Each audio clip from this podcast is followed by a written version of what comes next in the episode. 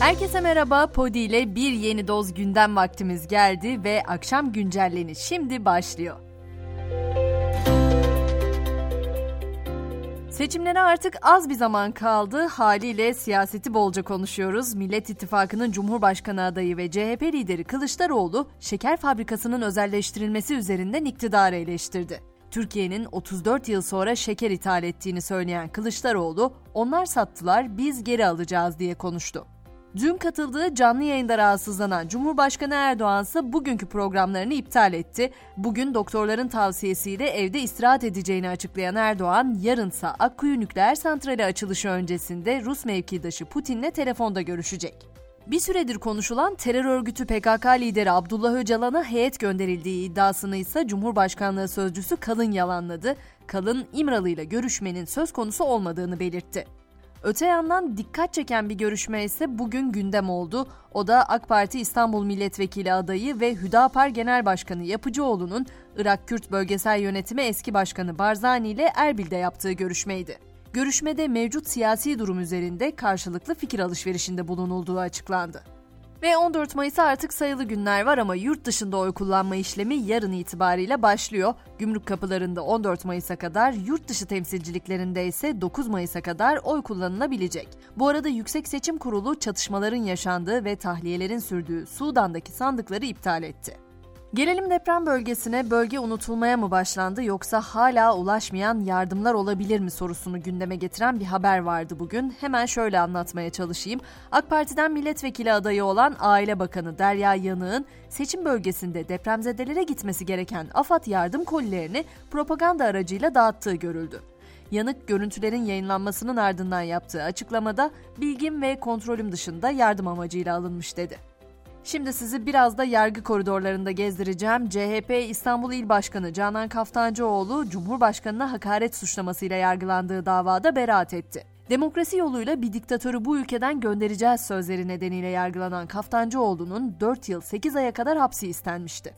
TÜİK'in ise enflasyon sepetini yayınlamayı bırakması üzerine Disk TÜİK'e dava açmıştı. TÜİK o davayı kaybetti. Sansürlenen fiyat listesi yeniden yayınlanacak. Yargı başlığından son haberimse sosyal medyada da çok konuşulan bir diziyle ilgili Ankara Bölge İdare Mahkemesi Rütü'nün Kızılcık Şerbeti dizisine verdiği 5 haftalık yayın durdurma cezası kararını bozdu ve yürütmeyi durdurdu. Dizi yeni bölümüyle cuma günü yeniden seyirciyle buluşacak. İşte tüm bu yoğun gündem yaşam süremizden çalıyor desem ne dersiniz?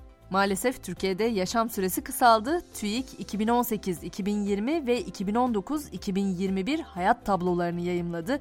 Buna göre Türkiye'de doğuştan beklenen yaşam süresi 2018-2020 arasında 78,3 yılken 2019-2021 döneminde 77,7 oldu.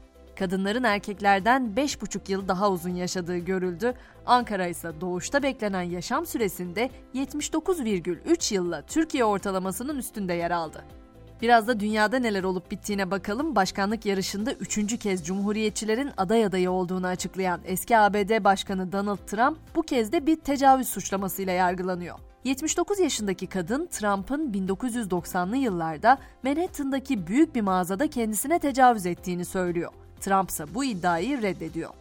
Avrupa Birliği'nde ise sosyal medya devlerini zor günler bekliyor diyebilirim. Zira 25 Ağustos'ta Avrupa Birliği'nde yürürlüğe girecek olan dijital hizmetler yasasıyla YouTube, Instagram, Facebook, Twitter, TikTok, Google ve Wikipedia'nın da aralarında bulunduğu 19 sosyal medya platformu daha katı kurallara uymak zorunda bırakılacak. Yasa dışı ve zararlı içeriklere karşı önlem almayan sosyal medya platformları ağır para cezalarına çarptırılacak.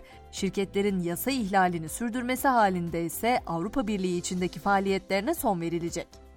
Teknoloji dünyasına baktığımızda ise biliyorsunuz yapay zeka her gün bir yeni gelişmeyle karşımıza çıkıyor. Bu kez de sağlık koçu olacak gibi duruyor. Çünkü Apple duyguları izlemek için yapay zeka destekli bir sağlık koçluğu hizmeti ve teknolojisi geliştirmeye başladı. Apple Watch verilerinden yararlanarak egzersiz, diyet ve uyku için kişiselleştirilmiş programlar oluşturacak olan yapay zeka tabanlı sağlık koçunun adı Quartz olacak.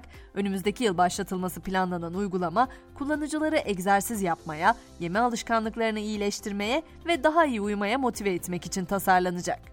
Son haberimse bir açık arttırmanın haberi. Dünyaca ünlü rock grubu Queen'in solisti Freddie Mercury'nin kişisel eşyalarını içeren özel koleksiyon açık artırmaya çıkarılacak. Ünlü sanatçının 30 yıl içinde biriktirdiği 1500'e yakın değerli eşyasının satışından yaklaşık 6 milyon sterlin gelir beklendiği ve bu gelirin bir kısmının hayır kurumlarına bağışlanacağı belirtiliyor.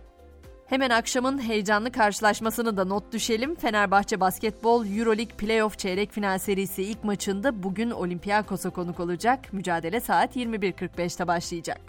Ve böylece güncellenin sonuna geldik. Noktalarken akşamın o düşündüren mottosunu T.S. Eliot'tan bırakıyorum bugün. Seçmiş olduğunuz ve karar verdiğiniz şeylerin bedelini siz ödersiniz. Size akıl verenler değil. Yarın sabah yeniden görüşünceye kadar şimdilik hoşçakalın.